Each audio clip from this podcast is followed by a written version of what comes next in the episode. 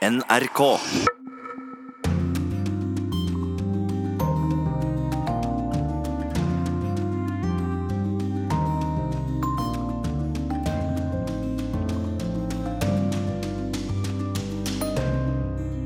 Velkommen til Urix på lørdag. Følger du med videre, så skal vi først til Tyrkia og høre siste nytt. Vi skal til Frankrike, der Macron har problemer. Til det amerikanske mellomvalget, der det har skjedd interessante ting denne uken. Og til Georgia, solen, vinen, Brasil og Afrika. Nå Tyrkia. I går kveld meldte den amerikanske presidenten Donald Trump at han økte straffetollen på stål og aluminium fra Tyrkia, og poengterte samtidig at den tyrkiske valutaen var i fritt fall. Vi har med oss korrespondent Sissel Wold fra Istanbul, og hva skjer egentlig med den tyrkiske valutaen nå? Ja, Det ser ut som den tyrkiske lire nærmest har truffet av en perfekt storm. For dette begynte i 2016, etter kuppforsøket, som førte til mye politisk uro. Og det igjen førte til uh, usikkerhet i økonomien. Og det førte til at veldig mange utenlandske investorer og utenlandske firmaer trakk seg ut av Tyrkia og sitter på gjerdet, for de lurer på skal de komme tilbake igjen. Og I tillegg til det så har president Erdogan skapt veldig mye usikkerhet. Eh, I mai, da han var i London, så sa han at eh, han ville ikke sette opp rentene til den tyrkiske sentralbanken. Eh, Erdogan er islamist. Renter er haram i islam for folk som er veldig religiøse. Han har sagt at høye renter er moren til all ondskap. Sånn at dette skapte eh, eh, bølger internasjonalt. Og dette har vært en stor diskusjon i det internasjonale eh, i det internasjonale finansmarkedet, fordi man lurer på om Tyrkias sentralbank er politisk styrt eller styrt av markedet.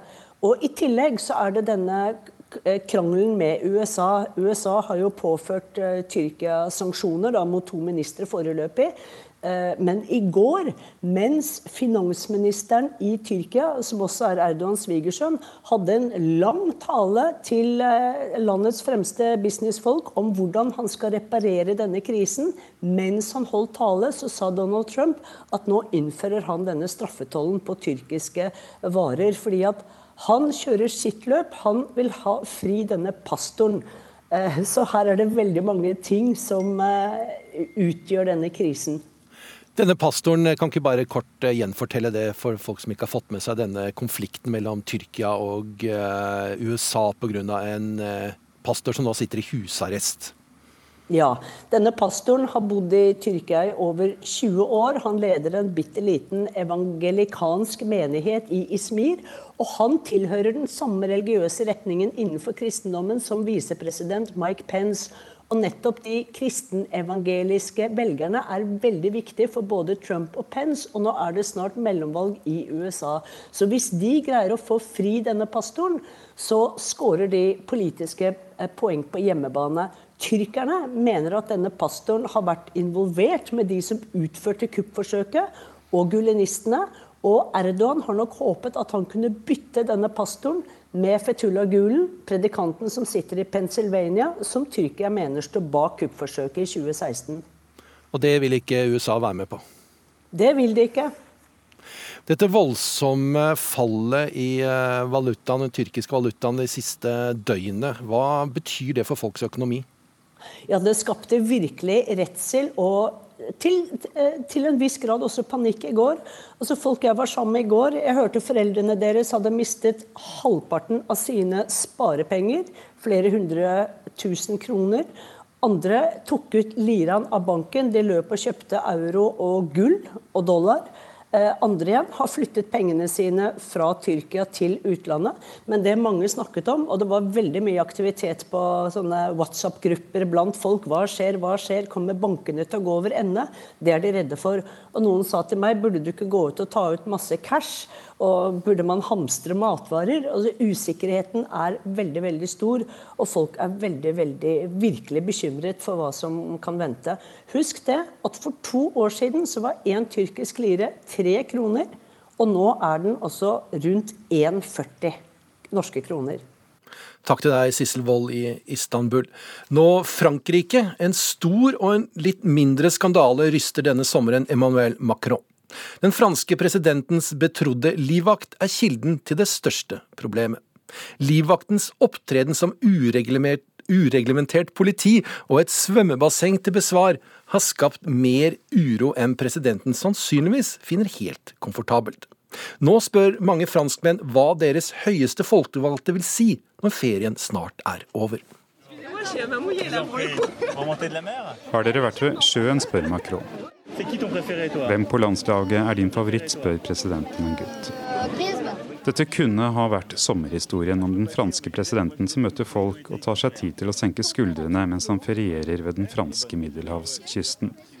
Men det er historien om den franske presidentens to sommerskandaler. Det er historien om en ambisiøs president som vil oppgradere presidentens sommersted for de Breganceau til et anlegg som også kan huse internasjonale besøk og møter tilsvarende den amerikanske presidentens camp. Og som i den sammenheng også vil bruke 34 000 offentlige euro på å oppgradere fortets svømmebasseng. Det er også historien om en president og staben til en president som først mister kontrollen over, og deretter hysjet ned regelbrudd begått av en betrodd livvakt. Er det en skandale at en fransk president vil bruke 34 000 euro på et svømmebasseng? Nei, sier Pierre Marillet, kommentator i den fransktalende belgiske kringkasteren RTBF, med fransk politikk som spesialområde. Det som er særdeles farlig, er at bassenget anekdotisk passer inn i bildet av Macron som en president for de rike. Cette image d'Emmanuel Macron, président des riches, la piscine qui est assez anecdotique, vient renforcer cette image. Den 1. mai i år. En rekke streiker finner sted i Paris i protest mot president Macrons planer for å reformere fransk arbeidsliv. Reformer de streikende mener vil redusere livskvaliteten til vanlige folk. I en gruppe av opprørspoliti står også Alexander Benalla, presidentens livvakt. Han bærer en politihjelm og er sammen med en venn, en tidligere politimann ved navn Vincent Crass. Crass jobber nå for presidentens parti. La République en marche. To menn som aldri skulle vært der, ikke gjort det de gjorde. De blir fanget på film av aktivisten Taha Bouhafs. I videoen arresterer Alexandre Benella først en ung kvinne, griper henne i nakken og drar henne bortover. Euh, I det øyeblikket snudde jeg kameraet rundt og filmet Vincent Trass. Han drar en ung mann langs bakken mens fire eller fem opprørspoliti banker han opp. Vi vet ikke årsaken, vi vet ikke hvorfor han ble arrestert. Da kom Benalla tilbake mens mannen lå på bakken, tar kvelertak på han og slår han. Alle roper på Benalla og ber han stoppe. På den tiden trodde folk at de var politi. Vi visste absolutt ikke at de to jobbet tett med presidenten. Presidentens stabssjef får kjennskap til saken allerede 2. mai, men Élysée-palasset, presidentens kontor, lykkes i flere måneder med å hysje den ned. Først 18.07 avslører avisen Le Monde Alexandre Benalas gjerninger. Den politiske skandalen er ute i full offentlighet. Jeg tror ikke det er en Benalla-skandale som sådan. Jeg tror det er en Macron-skandale. Noe som betyr at det er mennesker som har tatt beslutninger som tillot en mann og en gruppe å handle parallelt med politiets hierarki. Da vi spurte innenriksministeren, virket han ganske uvitende om hvordan alt dette var organisert. Det samme var det da vi spurte politisjefen. Svarene viser at dette ble avgjort i Élysée-palasset, og det gjør at vi fortsatt er overbevist om at det er opp til presidenten å komme og forklare alt dette for oss.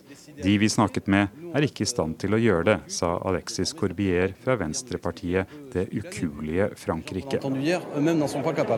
Partiet er ledet av Jean-Luc Mélenchon, som kom på fjerdeplass i presidentvalget, og er kanskje den viktigste stemmen i opposisjonens venstreside i Frankrike. Benalla og Krass er nå under formell etterforskning. I mai ble Benalla først kun permittert i to uker uten lønn, og så degradert til en lavere kontorjobb. Den 20. juli ble han sparket fra presidentens stab Den 25. juli tok president Macron fullt ansvar for saken. Det store spørsmålet om Macron etter ferien selv vil henvende seg direkte til det franske folk. Mange franskmenn forventer dette, at han redegjør for seg, sier RTBFs kommentator på fransk politikk Pierre Marlet. Den unge presidenten som ganske sikkert sikter mot en andre presidentperiode for å gjennomføre sin modernisering av Frankrike, vil kanskje ikke tåle denne type skandaler og avsløringer om de fortsetter lenger ut i presidentperioden. Je pense que l'été 2018 restera comme la fin d'une période dorée pour Emmanuel Macron. Sommeren 2018 er sommeren da den gylne tid av Macrons presidentperiode gikk over. Nå er bildet av han mer sobert. Det han må gjøre i resten av perioden, er å fokusere på det han lovet han skulle gjøre. Snu Frankrikes økonomi til å bli en ledende økonomi i Europa og i verden.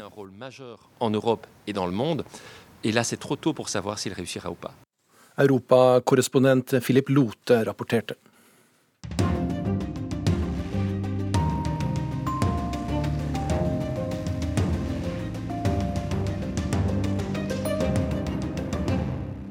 Nå om eh, amerikansk politikk, nærmere bestemt det amerikanske mellomvalget.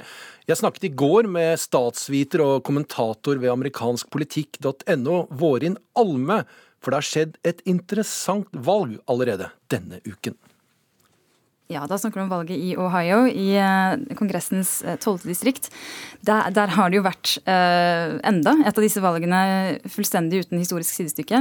der du har altså et distrikt der demokratene generelt ikke pleier å ha mulighet til å vinne. Um, men der vi nå har altså sett et valg som har vært så tett at det fremdeles ikke er avgjort. og dette ligner på de suppleringsvalgene og de lokale valgene vi har sett frem til nå. Der ja, altså Demokrater plutselig eh, virker å ha klangbunn i, i røde områder. Du sier at eh, valgresultatet ikke er eh, helt klart, men Trump har jo allerede gitt seieren til republikanerne, og de har takket ja til det og sagt at vi har vunnet. Ja, og det, det er jo politikk. Så er det sånn at republikanerne leder på, på, de siste tellingene. Men vi har også flere stemmer som gjenstår å telle. Så, så dette er ikke avgjort. 17. august har jeg hørt at da, da er det klart. Ja, altså Det er noen dager til, og så er det endelig frist 24. august. Da må de ha talt stemmene. Og Det som blir sagt som det sjokkerende her, er jo hvor nært det er at det hele tatt vi lurer på hvem som vant i det distriktet. Ja, altså Det viser seg da at demokratene har en sjanse til å vinne i disse, disse områdene. Altså De er kompetitive, eh, og det er ganske vanvittig når man, når man ser dette i sammenheng. Hva sier dette om eh, hvordan valget kommer til å være i eh, november? Ja, er det alltid skummelt det å generalisere ut fra, fra, enkelte steder. For som vi vet, USA er et fryktelig splittet land. Uh, og det er også veldig uh, varierende uh, hvem som møter opp, hvor mange som møter opp, hvilke saker som viser seg å være viktige. og ikke minst i dette valget så er det spennende å se på blir valget lokalt. Altså Handler det om saker på lokal basis? Handler det om kandidatene som stiller? Eller blir dette her en dom over Trump, der demokratene så å si kan stille med hvem de vil, fordi at dette handler om motstand motstand mot Trump. Det er noe som gjenstår å se, men foreløpig indikerer alle disse valgene en slags blå bølge, um, der demokratene kommer til å vinne stort. Et annet element som har blitt beskrevet i amerikansk media når det gjelder uh, dette valget denne uken, er at uh, republikanerne gikk veldig hardt negativt ut mot uh, den demokratiske kandidaten med én gang. Og sa at han kommer til å ta vekk våpnene deres, han kommer til å øke skattene. Hva forteller det om hvordan republikanerne tenker? Dette blir selvsagt spekulasjon, men jeg tenker at uh, etter de sjokkvalgene vi har sett nå, der demokrater enten har vunnet eller vist seg kompetitive i røde eller blodrøde områder, uh, så har nok den republikanske partiledelsen lagt inn sterke føringer for hvordan de vil at sine kandidater skal føre valg, og hvilke saker de vet uh, spiller godt hos republikanske velgere. Og så er det sånn at det republikanske partiet sannsynligvis har en stor fordel Eh, ved det at selv om de også, som demokratene, er splittet, så har de noen store saker som samler eh, på tvers av de splittende sakene. Og det er f.eks. våpen, det er innvandring, det er en sterk utenrikspolitikk, eh, og det har til nå vært frihandel. Det, det har jo endret seg med Trump, men det er allikevel disse store tingene som gjerne går på verdispørsmål, på identitet. Um, og, og, som gjør at uh, republikanerne kan altså kan gjenvinne disse valgkretsene som de til nå har tapt litt. Da. Så det vil nok også være strategien frem mot november. Strategien for ethvert valg burde jo egentlig være å vinne, men jeg er blitt fortalt og har lest at nå har demokratene gitt opp Senatet og bare konsentrerer seg om Representantenes hus. Er det ditt inntrykk også? Jeg har nok ingen tro på at de har gitt opp noe som helst. Jeg eh, tror demokratene nå øyner en sjanse til å vinne stort. Men så er det selvfølgelig en kjensgjerning at det er vanskeligere å vinne Senatet. Eh, der skal demokratene ha et perfekt valg om dette skal gå. Og de, de har eh, langt flere eh, som er på valg enn det replikanerne har. Dvs. Si at de må forsvare mange seter i tillegg til å ta nye. Og så skal vi huske på at flere av disse senatorene stiller i valg der Trump vant stort, og der de egentlig ikke har noe som helst, på mange områder i hvert fall, til felles med altså, demokrater i andre stater, eh, og med sin egen partiledelse. Ja, Du beskriver et parti med store problemer du nå? Ja, Veldig store utfordringer, og vi vet at dette gjelder for begge partier. Men så er det disse store sakene som replikanere har, eh, og som de, de, virkelig spiller hardt på nå. Vi ser det hver gang Trump støtter en av disse kandidatene, så hamrer han inn disse poengene om eh, våpenlovgivning, innvandring, utenrikspolitikk. altså tough on crime, som han sier.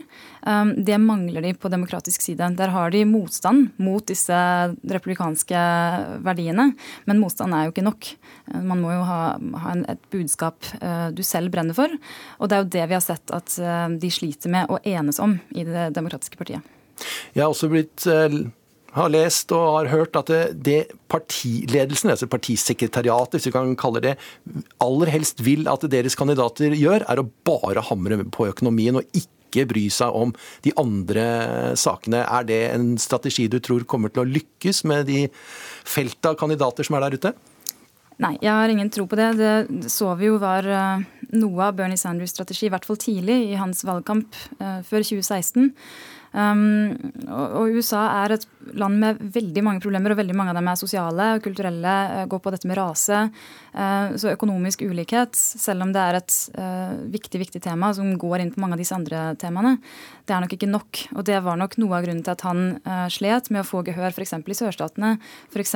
i etnisk, etniske minoriteter osv. Nå ble han jo bedre på det etter hvert, og vi har jo sett at de kandidatene som kommer i kjølvannet av ham, de er mye mye mer opptatt av disse andre sakene.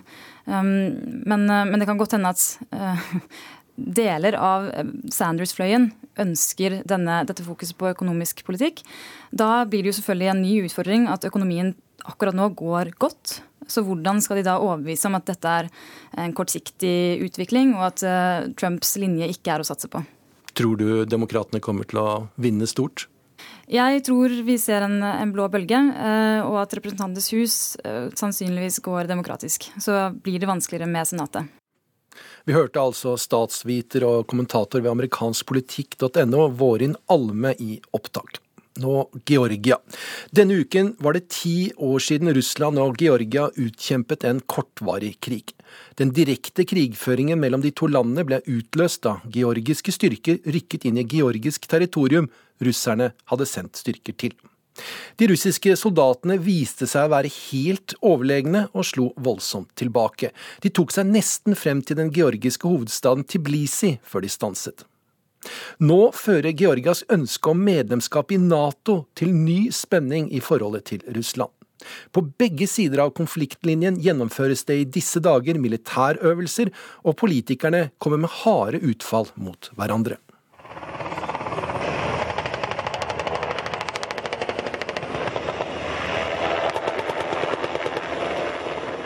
Amerikanske militære helikoptre lastet med georgiske kommandosoldater lander på et militært øvingsområde utenfor hovedstaden Tbilisi.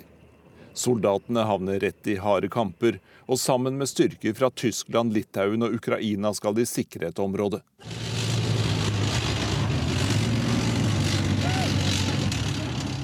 Amerikanske og tyske stridsvogner er fraktet inn for å gjøre øvelsen mest mulig realistisk. Nærmere 3000 soldater er med på treningen i forskjellige typer militærtaktikk. So, das Ziel des heutigen Auftrags war es für meine Panzergrenadierkompanie, dass wir im Zusammenwirken mit amerikanischen Streitkräften, Kräften aus der Ukraine und Georgien Dagens oppgave var å sette opp en sikkerhetsring rundt et objekt, sier den tyske offiseren Mathias Stormer. Hans avdeling trener nå for å bli best mulig før den utplasseres i Litauen i løpet av neste år.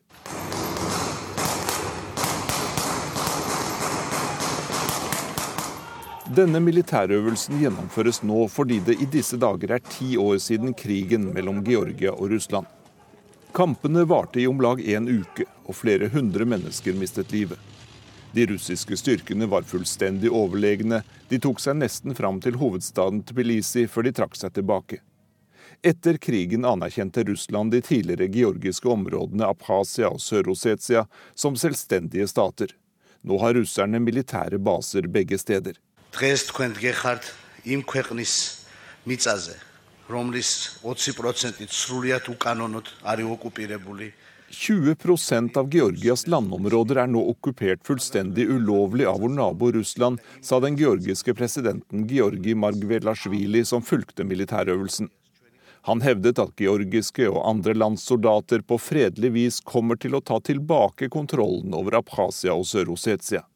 Hvordan det skal skje, kom presidenten ikke inn på.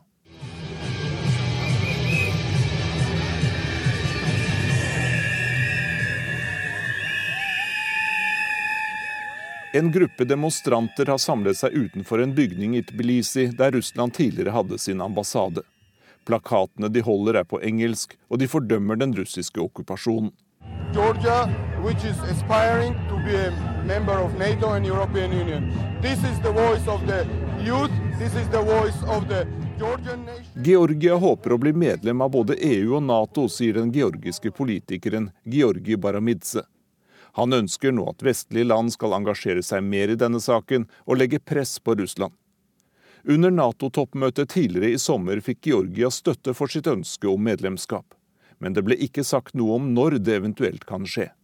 Ideen om Nato-medlemskap for Georgia blir ikke tatt godt imot på den russiske siden av grensa. Это абсолютно безответственная позиция. Это просто угроза миру. Это может спровоцировать страшный конфликт. Det å snakke om Nato-medlemskap for Georgia er fullstendig uansvarlig, sier den russiske statsministeren Dmitrij Medvedev i et intervju med russiske medier. Han var president under krigen i 2008. Han understreker at det vil være en trussel mot hele verden dersom Georgia blir medlem av den vestlige forsvarsalliansen. Denne saken kan provosere fram en fryktelig konflikt, hevder Medvedev. Abkhazia и Южная Осетия – это самостоятельные государства, с которыми у нас дружеские и дружественные отношения. Abkhasia og Sør-Ossetia er våre venner, og vi har våre militære baser der, påpeker den russiske statsministeren. Han sier at et forsøk fra Natos side på å endre den nåværende situasjonen kan få ekstremt alvorlige konsekvenser. Medvedev håper at Natos ledelse vil være klok nok til ikke å ta noen skritt i den retningen. Og han sier at Natos forsøk på å omringe Russland med stadig flere land som medlemmer, oppleves som en alvorlig trussel hos myndighetene i Moskva.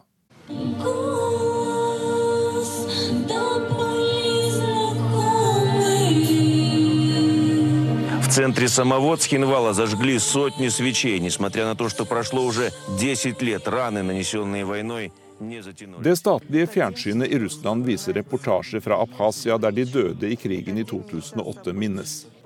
Her legges det vekt på brutaliteten fra de georgiske soldatenes side. Og det understrekes at Russland ikke har tenkt å gi fra seg kontrollen over dette tidligere georgiske området.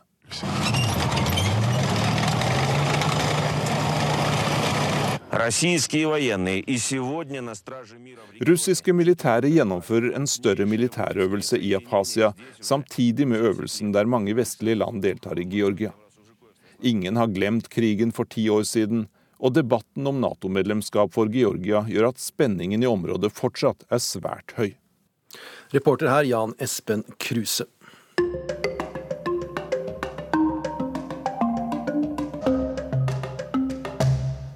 Vi skal til Afrika, nærmere bestemt Nairobi i Kenya. For der er vår korrespondent Sverre Tom Radøy.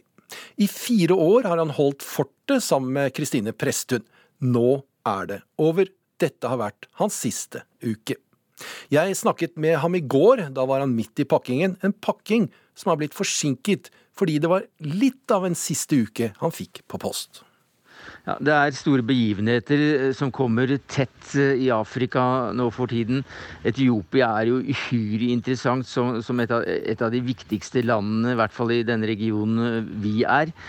Så sa, så sa presidenten i, i Demokratiske republikken Kongo at han ikke stiller til gjenvalg. Stor, stor jubel der, og det, det skjer masse bare i nabolandene her, her jeg sitter. Ja, Zimbabwe har jo også vært der? Ja, absolutt. Eh, det jo, eh, var, var, jo ville festdager i november i fjor. Eh, så har det vært gjennomført et forholdsvis vellykket valg nå i slutten av juli, altså to skritt fram. Men så er det et skritt tilbake ved at det er ettervalgvold som gjør at, at det hele fortoner seg litt mer negativt. Opposisjonsledere fengsles, og, og, og militære og paramilitære grupper går løs på opposisjon opposisjonen. Men alt i alt så er også den utviklingen i Zimbabwe er også positiv. Før du tok jobben, Sverre Tom, så hadde du reist temmelig mye og eh, opplevd mye. Er det likevel noe som overrasket deg i løpet av disse årene? Ja, masse. masse. Jeg blir jo overrasket hele tiden her. Eh, men, men det, som, det, som, slår deg når du reiser rundt i disse eh, vanskelige områdene med sult og, og terror og elendighet, krig, det er jo normaliteten. Altså at folk lever forholdsvis normale liv. De fleste lever sikkert helt helt ålreit. Eh, de er glad i ungene sine. De vil at ungene skal ha utdannelse slik at eh, de kan få det bedre enn de selv hadde.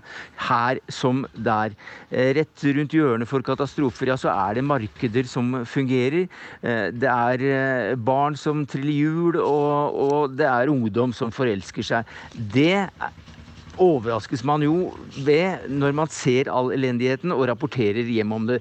Men, det er desto mer gledelig, selvfølgelig. Og så er, en, så er det en, veldig øyeåpner, dette her at det er, hele tiden er de lokale, altså det er folk rundt de verste katastrofeområdene, som er de største hjelperne.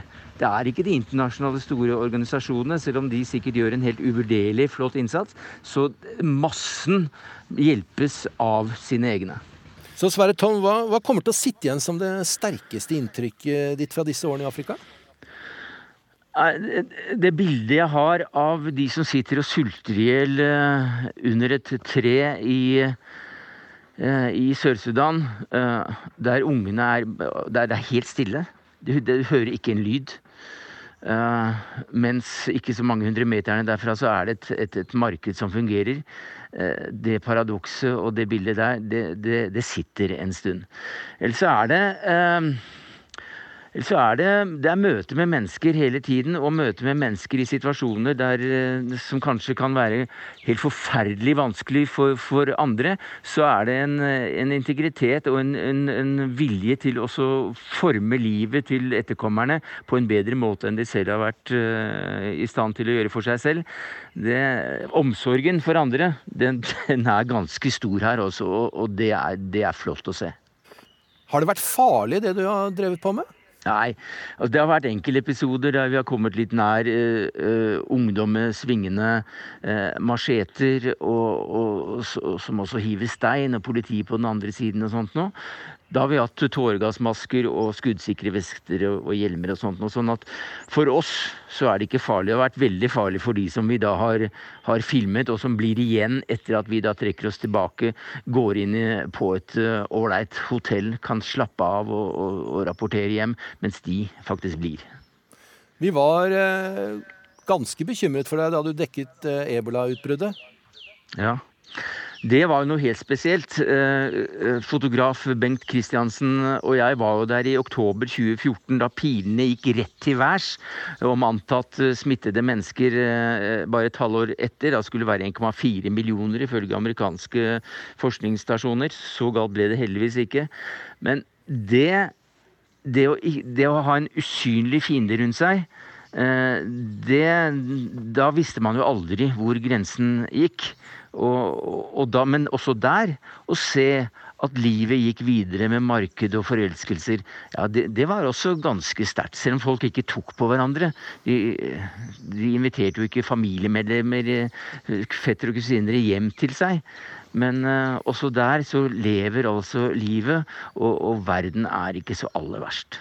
Etter fire år, så jeg antar at du som alle andre korrespondenter eller journalister har en liste over ting som du har lyst til å gjøre. Hva er det som står øverst på den listen over ikke-gjorte saker, ikke besøkte steder hos deg? Nei, du, eh, Jeg snakket med Kristine Presttun, eh, kona mi, som også er Afrikakorrespondent, om det der. Og og det er Dessverre så har det vært litt lite av, av, å skildre hverdagsliv, rett og slett. Det blir de store begivenhetene som, som, eh, som trekker. Eh, og så er det eh, å, dekke kulturen. Vi sa da vi dro til Afrika at vi skulle selvsagt dekke Afrika som ethvert annet, et annet kontinent. Men det har blitt for lite hverdagsliv, for lite kultur, for lite av det derre spennende, dynamiske musikklivet, ikke minst og litteraturen som, som flommer over i Afrika akkurat nå. Det kommer snart nye krefter inn eh, på, inn på kontoret der. Har du noe råd til uh, hun som tar over? Nei. Gled deg. Jeg skal slippe deg til pakkingen nå snart. Sverre Tom, jeg lurer på, men Er du ferdig med Afrika nå? Du har reist veldig mye der før du tok denne jobben. Og nå har du vært der i fire år. Kommer du aldri til å reise dit igjen? jeg kommer til å komme tilbake så, så, ofte jeg kan. For er det noe Sånn er det vel med alt. Men altså, desto mer du lærer og opplever, desto mer forstår du at du ikke du forstår. Og desto mer nysgjerrig blir det på, på hva som er rundt neste sving. Så Afrika, en gang Afrika, alltid Afrika. Sverre Tom Radøy i opptak der, altså. Nå vin! For vinbøndene i Europa jubler. Takket være en veldig varm sommer starter innhøstingen nå mye tidligere enn vanlig. Det går mot store avlinger av høy kvalitet. Men det står i sterk kontrast til fjoråret. Den vinhøsten var helt begredelig.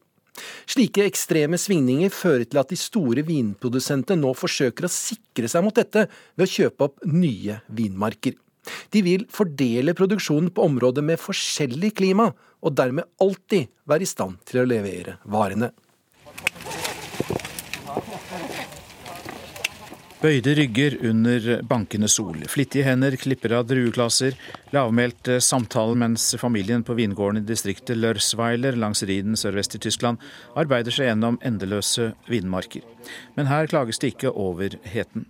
Äh, momentan ist das sehr gut. Das heißt, äh, die Qualitäten scheinen gut zu werden, wobei die nächsten Wochen ganz entscheidend sind. Det ser veldig bra ut, sier vinbonde Mathias Wolff. Kvaliteten på druene er høy, så fortsetter det varme været utover i august, er det forutsetningen for en meget god årgang. De forutsetningene sind gegeben for en guten jahrgang. Jeg er 52 år gammel, har vært med på vinhøsten siden jeg var en liten gutt, og aldri har vi startet så tidlig. Ich bin jetzt 52 und äh, bin als kleiner Junge schon hier bei uns im elterlichen Betrieb. Og det bekrefter det tyske vininstituttet og talsmann der, Ernst Büscher, overfor Associated Press. In this year, uh, the weather was really extremely sunny, so uh, we have very, very healthy grapes, uh, which is very positive. Det har vært ekstremt solrikt, sier Bischer. Druene er sunne og kvaliteten er høy. Klimaet er blitt varmere. Og uh, jeg tror på en lys framtid for tysk vin, særlig rødvin, som blir bedre og bedre. Due to the weather um, changes, um, the quality of the wines, uh, and especially even red wines, is getting better and better. And, uh, og eksperter på Vinmonopolet her hjemme har registrert det samme, sier produktsjef Tone Veseth Furuholmen. Det vi ser i år, med at man har hatt en god blomstring eh, og en god modning av druene så langt, eh, så er jo da målet selvfølgelig å få eh, mest mulig kvalitetsdruer per vinplante. Eh, og det gjør jo da at både kvalitet og volum opprettholdes. Frankrike får kanskje en økning i avlingene i år på 30% sammenlignet med i fjor, sier Furuholmen. Og vinbonde Laurin Mainadier bekrefter at regnet som kom på vårparten var gunstig langs eh, Middelhavet, litt nord for grensen til Spania. Men at det også medførte en risiko for meldugg på plantene. Cette année, on a eu un printemps pluvieux, donc ce qui signifie du milieu, ce qui signifie une forte pression. Mainadier driver økologisk og måtte jobbe ekstra hardt denne våren for å luke og holde soppangrepene unna. Men se, flotte druer overalt nå, sier han. Så det var mange steder som hadde en veldig ganske kald og, og, fuktig, ganske kjølig vår. Eh, men når du, når du, da får eh, denne varme, fine sommeren med stabile temperaturer, så er det jo eh, nettopp det som skal til, så sant temperaturene ikke blir for høye. Men det har vært skiftende fra år til år. Fjoråret ga den dårligste vinhøsten i Europa siden annen verdenskrig. Det var jo dette her både med frost, hagl og tørke som alt kom eh, i en og samme sesong. Og det er jo selvsagt eh, problematisk for eh, både volum og kvalitet. Nå forsøker de store globale produsentene å sikre seg mot økte temperaturer og skiftende værforhold ved å dyrke i områder med forskjellig klima. Det produsenter rapporterer om, er at ikke bare så er eh, temperaturene høyere som følge av klimaendringer, men hovedproblemet er gjerne at værforholdene har blitt mye mer ekstreme. Eh, og Det betyr at eh, f.eks. Eh, med disse klimaendringene og høyere temperaturer, så skjer knoppingen og blomstringen tidligere enn det de gjorde for 20 år siden. Og når det da kommer en vårfrost, så vil det ha mye mye større konsekvenser enn det det hadde tidligere. Fordi plantene har kommet mye lenger. Høyere temperaturer har ført til at man i Frankrike nå dyrker vindruer i Bretagne, som ikke var egnet for det tidligere. Champagneprodusenter har kjøpt opp områder i England for å lage musserende vin. Høyereliggende områder i Pyreneene mellom Frankrike og Spania er blitt aktuelle, og det samme skjer i Piemonte i Italia. Ja, produsentene tilpasser seg, sier Tone Weseth Furuholmen i Vinmonopolet. Ja, absolutt. Eh, det er en interessant utvikling å følge med på. og Det er jo bare å se på England, hva som har skjedd der. Med champagnehus som, som kjøper opp eh, vinmarker, som tradisjonelt sett har vært ja, eh, for kjølig for vinproduksjon. og Dette har jo nå endret seg over de siste årene. Druene kom tidlig i år, det kan bli en god høst, men for mye varme er heller ikke bra. Og noen må bytte ut druetypene sine. Det blir jo høyere alkoholnivåer gjerne enn det de eh, opprinnelig har vært vant til å operere med, noe som ofte ikke er ønskelig. Eh, mange steder så revurderer de jo de druene de har plantet, og søker også druer som kan takle eh, høyere temperaturer bedre, slik at de både får modning, men samtidig at de klarer å bevare syreinnhold i, druene som gir friske viner til tross for varmere vær. Vi hørte produksjonssjef i Vinmonopolet Tone Weseth Furuholmen. Reporter var Øystein Heggen. Nå om det som holder oss alle i live, men som også kan gi oss mange problemer. Blant annet at alle våre satellitter blir ødelagt. Vi snakker om solen, for under en time siden skulle sonden Parker Solar Probe vært skutt ut i verdensrommet. Det gjorde den ikke pga. et problem med raketten. Det kommer et nytt forsøk i morgen. Målet for sonden er å gi oss noen svar om solen. Jeg snakket tidligere denne uken med seniorrådgiver og solfysiker Pål Brekke i Norsk Romsenter, og spørsmålet var hvorfor solen er så vanskelig å leve med. Solen er en eh, veldig dynamisk stjerne. Den eh, hoster og harker og, og, slynger ut partikler og gass og magnetfelt i alle retninger. og Enkelte ganger så kommer disse såkalte solstormene mot jorda og vil da vekselvirke med både atmosfæren vår og magnetfeltet. og Det skaper en del problemer med dagens moderne samfunn. Ja, Solstormer, kan ikke du forklare litt hva det er for noe? Solstormen er en sånn felles betegnelse for eh, aktivitet på sola. Akkurat som vi har forskjellige typer uvær på, på jorda. Vi har haglskurer, vi har eh, lyn og torden, vi har orkaner. Så har man altså mange ting på solen som skjer, og som har ulike effekter på vårt samfunn. Så den sender ut mye røntgenstråling som påvirker atmosfæren vår. og får problemer med radiosignaler og eh, snakke med satellitter. Den sender ut eh, magnetfeltpartikler som eh, er med å lage nordlys f.eks. og kan forstyrre eh, kraftindustrien. Og så har den også høyenergiske partikler, som da er som en haglskur, som da kan skade satellitter og mennesker i rommet. Og så sender den også ut av og til eh, radiostøy, eh, og det er veldig kraftig, på samme frekvenser som GPS-signalene og innflyvningsradaren til Avinor og slike ting. Så det er mange ting som påvirkes av ulike ting på sola. Men vi går jo vanligvis rundt her på jorden og legger ikke merke til at det skjer noe sånt nå på solen? Egentlig ikke. For, at, eh, for oss mennesker så er ikke solsommer farlig. Eh, det er teknologien vår som, som, kan settes ut. Eh, men vi merker jo da nordlys. Dette er jo en effekt av det samme. Altså Når det er kraftig nordlys, så har det vært en kraftig solstorm tidligere som da lager dette nordlyset. Men i de samme områdene som man også har nordlys, for eksempel, så vil det for være problematisk å bore etter olje og gass. Og Der kan man også få litt problemer med, med nøyaktigheten på GPS-systemer.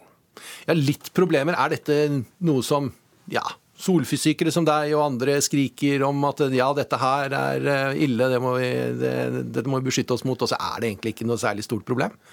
Det er et stort samfunnsproblem at det, det, skjer altså solstormer støtt og stadig. altså Ukentlig så er det romværproblemer rundt omkring i, i verden. Uh, men det er da stort, stort, sett for de brukerne som er veldig nøyaktige GPS-brukere, som er nede på liksom centimeternivå for det de skal gjøre, de har problemer. Uh, for deg og meg så er ikke det noe problem. altså GPS-en i bilen din, du, du kjører ikke av veien pga. det. Men for droner og andre ting så kan dette være noe som påvirker. Og selv bøndene som da bruker GPS for å pløye jorda si automatisk om tilbake, de vil da kunne begynne å skeine av gårde hvis eh, sola hoster og harker. Men det man er mer bekymret for, er disse såkalte superstormene. Som jo er veldig, storm, veldig sjeldne. Eh, man kan samle med hundreårsbølgen i Nordsjøen. Så de er man bekymret for. Og man prøver å forstå eh, hvordan de oppstår, og hvor ofte, ikke minst. da, For dette er ikke ofte det har skjedd før. Ja, Hva kan skje under en sånn superstorm, hvis den kommer? Eh, vi har jo ikke opplevd noe sånn i det moderne samfunn. Den, den, kraftigste stormen skjedde i 1859, og da hadde man ikke noe eh, særlig infrastruktur. Eh, telegrafsystemet hadde man da, og det gikk jo helt ned. og Det var så mye induserte strømmer pga. solstormen at disse telegrafledningene glødet i mørket til og med. Vi har hatt en veldig kraftig en i 1921. Og så hadde vi en mindre kraftig, ikke en superstorm, men i 1850, nei, 1989. Uh, og Da ble jo strømmen slått ut i Canada bl.a., hvor seks millioner mennesker mista strømmen i åtte timer. Så det man er mest bekymret for når det gjelder disse superstormene, er at de kan slå ut store mengder av uh, kraftproduksjon, altså trafoene. Og det er vanskelig å erstatte. Hvis man virkelig slår ut disse, og veldig mange, så tar det lang tid å erstatte. Man kan ikke kjøpe en trafo på Claes Olsson, for å si det mildt. Så, så det er kanskje den største eh, trusselen mot samfunnet er at man mister strøm over lang tid. Men Du nevner altså kraftforsyninger, men er det annen infrastruktur? Eh, vil mobiltelefonene våre bli slått ut og sånt hvis dette her skjer? Altså, Alt henger på strøm. så Hvis man mister strømmen, og det er, det er grenser for hvor lenge man kan drive eh, en kloakkrenseanlegg, eh, andre ting med dieselaggregater, det går ikke.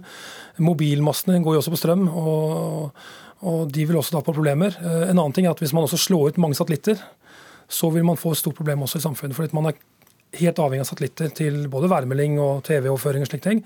Men kanskje aller viktigst er det at GPS også gir oss et viktig eh, tidskode som alle bruker. Som alle bruker for å synkronisere kraftnett og mobilmaster og slike ting. Børsen henger på den klokka. Hvis den klokka forsvinner, så vil mange av de systemene også mm, gå ned. Da. Så det er veldig mange ting som henger sammen, som kan eh, falle ut. Og da vil jo vi også få problemer. Blant annet så kan du ikke betale med bankkort og få penger av minibanken hvis GPS-klokka forsvinner. Du kan ikke gjøre noe med solen, antar jeg, i hvert fall ikke ennå. Eh, men gjøres det noe for å prøve å beskytte oss mot effektene av eh, en slik katastrofe? Ja, altså De som eier satellitter, de er dette. her. De prøver da å forhindre at de skal skade satellittene. Så Man kan eventuelt skru av fiendtlige instrumenter og slike ting. Unngå å gjøre manøvrering av satellitten, for da kan man ofte miste styring på den. Kraftselskapene har visst om dette er lenge, så de har sine forholdsregler. De kan senke belastning på nettet sitt, slik at ikke transformatorene kjører på full guffe. Eh, nå skal det sies at Vi i Norge er litt heldige, for vi har et helt annet eh, type nett enn det man har i USA, hvor man har eh, et stort kraftverk som, da, som gir strøm til en hel by. Og mens i Norge så er det mange små kraftverk. Vi har også kortere ledningsstrekk, og da virker de som en litt dårligere antenne enn de lange strekkene man har i USA. Så man har jo sett på dette i Norge. Statnett og DSB har, vi har jobbet med de. Og det virker som Norge er ganske robust mot selv sånne superstormer. At vi kanskje mister strømmen en dag eller to, men så er man oppe og går pga. at man kan sette i gang mindre kraftverk. Mens i USA så vil man kunne potensielt miste strømmen i kanskje opptil et år. Og da vet man hva, ser, hva som vil skje med et samfunn. Som denne sonden som skal til solen, eh, kan den hjelpe oss med dette her? Ja, denne sonden den vil da gi oss en bedre svar på hva er det som genererer disse solstormene. Eh, det er en av de målene den har. da. For i dag så klarer vi ikke å varsle i forkant når en solstorm kommer til å inntreffe. Eh, man overvåker sola 24 timer i døgnet med mange satellitter, og man kan se at et område begynner å bli kanskje litt ustabilt, og så øker man da eh, kan du si, faren for at det kommer en solstorm de neste 24-48 timene, men man klarer aldri å si når dette skjer. Og Det man ønsker, er å kunne si at nå skjer det snart. For da kan satellitteiere og andre ta sine forholdsregler, de som da blir påvirket umiddelbart. For de som da, når sola har en sånn storstorm, så vil det også sende ut masse røntgenstråling, UV-stråling, og den kommer med lyshastighet. Så den oppdager ikke vi her på jorda før den har truffet oss. Akkurat som lynet slår ned i hodet på deg, du oppdager ikke det før det er slått ned. Så, så den biten der ønsker man å få bedre koll på. At man kan si på forhånd at uh, nå om en halvtime, en time eller to vil det eksplodere. Der er man ikke i dag, men det kan kanskje Sola Probe hjelpe oss med. Vi hørte Pål Brekke fra Norsk Romsenter i opptak. Nå har vi kommet frem til korrespondentbrevet. Det er skrevet av Arnt Stefansen, som i flere tiår har rapportert fra Latin-Amerika. Det jeg nå skal fortelle om, hendte for mer enn 100 år siden, men det vekker fortsatt sterke følelser. Det var Brasils blodigste krig, og fienden var landets egne innbyggere. Og aldri er man blitt enige om hva som egentlig skjedde. Nettopp det forteller mye om Brasils sjel den dag i dag. Det var soldatene som satte det opp da de kom tilbake fra krigen, sier Eron og peker på det store trekorset foran kirken. Det er et viktig symbol for oss som bor her i favelaen, sier han. Eron er rundt 50 og levende opptatt av bydelens tradisjoner og historie. Bydelen heter Providencia og ligger på en høyde over sentrum av Rio de Janeiro. Den er bare én av byens mer enn 400 fattigkvartaler, eller favelaer, men den er noe helt spesielt, fordi den var den første men ikke bare derfor. Uttrykket favela oppsto her, sier Eron høytidelig. Da soldatene kom tilbake fra krigen, fikk de ikke den jorda myndighetene hadde lovet dem, derfor tok de loven i egne hender og slo seg ned her, et område der det allerede var lovløse tilstander, og de kalte området favela etter en plante som vokste der krigen pågikk oppe i nordøst, sier han. Vi er på slutten av 1800-tallet. Brasil er nylig blitt en republikk og har avskaffet slaveriet som det siste landet på de amerikanske kontinenter. Det er urolige tider. Tilhengerne av monarkiet drømmer fortsatt om gamle dager. Lutfattige landarbeidere og frigitte svarte slaver streifer rundt på leting etter arbeid, og fattigdommen er skrikende. Det er i denne situasjonen det dukker opp en Messias, en predikant som kaller seg Antonio Conciliero. Etternavnet betyr rådgiveren, og han får snart mange tilhengere i Sertão, de karrige områdene i delstaten Bahia i Nordøst-Brasil. Han var høy og skinnmager, med mørk hud og brennende øyne, og han gikk kledd i en lang, fiolett kjortel. I årevis streifet han rundt i disse tørre, hete og ufruktbare områdene mens flokken av tilhengere ble stadig større. Det sies at han trakk til seg folk allerede før han var begynt å snakke. Men en dag tok vandringen slutt, og rådgiveren og hans tilhengere slo seg ned på en folketom høyde i det indre av Bahia og grunnla byen Kanodos, et pengeløst samfunn basert på likhetsidealer og strenge katolske prinsipper.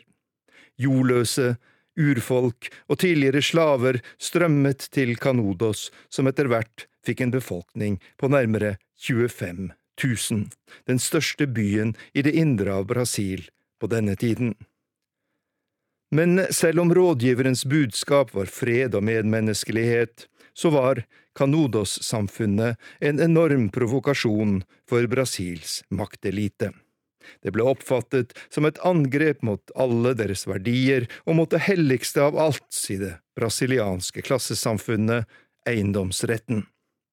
Jorda der byen ble grunnlagt, lå riktignok brakk, men den tilhørte Bahias rikeste jordeier. På alt dette kunne det bare være ett svar – kuler og krutt.